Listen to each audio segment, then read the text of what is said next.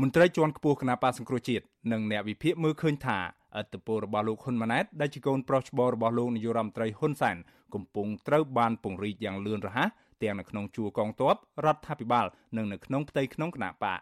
ការយកឃើញបែបនេះគឺបន្ទាប់ពីក្រសួងសុខាភិបាល បង្កើតអនុគណៈកម្មការថ្មីមួយហៅថាអនុគណៈកម្មការគ្រប់គ្រងសន្តិសុខនិងសម្ដាប់ធ្នាប់តាមគោលដៅនឹងតំបន់ចតាឡេសាដើម្បីប្រយុទ្ធនឹងជំងឺ Covid-19 អនុគណៈកម្មការនេះមានលោកហ៊ុនម៉ាណែតធ្វើជាប្រធានហើយមានមន្ត្រីយោធានគរបាលនិងមន្ត្រីស៊ីវិលជាន់ខ្ពស់ចំនួន13នាក់ទៀតជាអនុប្រធាននិងជាសមាជិកចំណុចសំខាន់នោះគឺមន្ត្រីខ្លះមានឋានន្តរស័ក្តិផ្កាយ4ខ្ពស់ជាងលោកហ៊ុនម៉ាណែតដែលពាក់ផ្កាយ3ទៅទៀតនោះក៏ប៉ុន្តែមន្ត្រីទាំងនោះបែរជាត្រូវធ្វើការក្រោមការបង្គាប់របស់លោកហ៊ុនម៉ាណែតទៅវិញ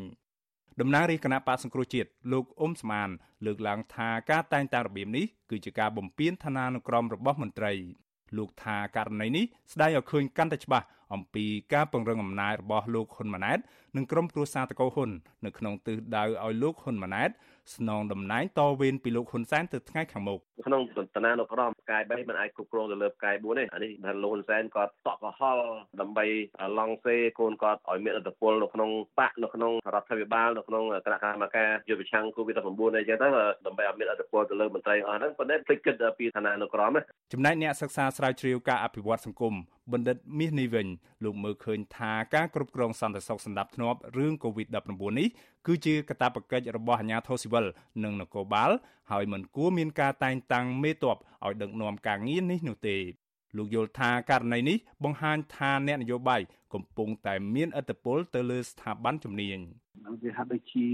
ឋានៈនឹងខ្ពស់ពេកដែលត្រូវយកមកកម្មកាត់រឿងកូវីដនេះបើសិនជាឲ្យអាជ្ញាធរពាក់ព័ន្ធនៅមូលដ្ឋានពង្រឹងតការអនុវត្តច្បាប់ទៅខ្ញុំគិតថាគាត់អាចធ្វើបានបាយចាំអំពើទុកទៅយកមន្ត្រីជាន់ខ្ពស់កងទ័ពយកមកប្រើក្នុងស្ថានភាពបែបនេះឆ្លើយតបទៅនឹងការលើកឡើងនេះអ្នកនាំពាក្យគណៈបកប្រជាជនកម្ពុជាលោកសុកអេសានបកស្រាយថាការតែងតាំងមន្ត្រីរាជការគឺជាសិទ្ធិសម្រេចរបស់រដ្ឋាភិបាល លោកចាត់ទុំមន្ត្រីរីគុណទាំងឡាយអំពីការតែងតាំងលោកហ៊ុនម៉ាណែតនេះថាគឺជារឿងមិនត្រឹមត្រូវនិងមានចេតនាវាយប្រហារទៅលើថ្នាក់ដឹកនាំរដ្ឋាភិបាល អានឹងគេចោតតាំងពីដើមមកតើដើម្បីវាយប្រហារមកលើសម្ដេចនាយករដ្ឋមន្ត្រីហ៊ុនសែនគឺគេគេធ្វើឯកជនភាវូបនីយកម្មគ្រួសារហ៊ុនសែនអាហ្នឹងវារឿងចឹងអាហ្នឹងហើយតែជាក្បួនដែលរបាច់កលក្នុងការលៀបពណ៌មកលើឋានៈដឹកនាំគណៈបកប្រជាជនកម្ពុជាក៏ដូចជាឋានៈដឹកនាំរាជរដ្ឋាភិបាលកម្ពុជាទោះជាមន្ត្រីជាន់ខ្ពស់បកកណ្ដាលអំណាចបកស្រាយបែបនេះក្តីក៏លោកនាយករដ្ឋមន្ត្រីហ៊ុនសែនធ្លាប់បានប្រកាសរួចហើយថា លោកកំពុងតែជួយជ្រោមជ្រែងលោកហ៊ុនម៉ាណែតឲ្យក្លាយជានាយករដ្ឋមន្ត្រីនៅក្នុងរយៈពេលយ៉ាងហោចណាស់10ឆ្នាំទៀតដោយសារតែការជួយជ្រោមជ្រែងពីឪពុកនេះហើយលោកហ៊ុនម៉ាណែតបានឡើងរិស័យខ្ពស់ត្រដែតក្នុងរយៈពេលប្រមាណឆ្នាំចុងក្រោយនេះនៅក្នុងវ័យ43ឆ្នាំលោកបានក្លាយជាឧត្តមសេនីយ៍ផ្កាយ3ដែលមានតួនាទីជាអគ្គមេបញ្ជាការរងកងយោធពលខេមរៈភូមិន្ទ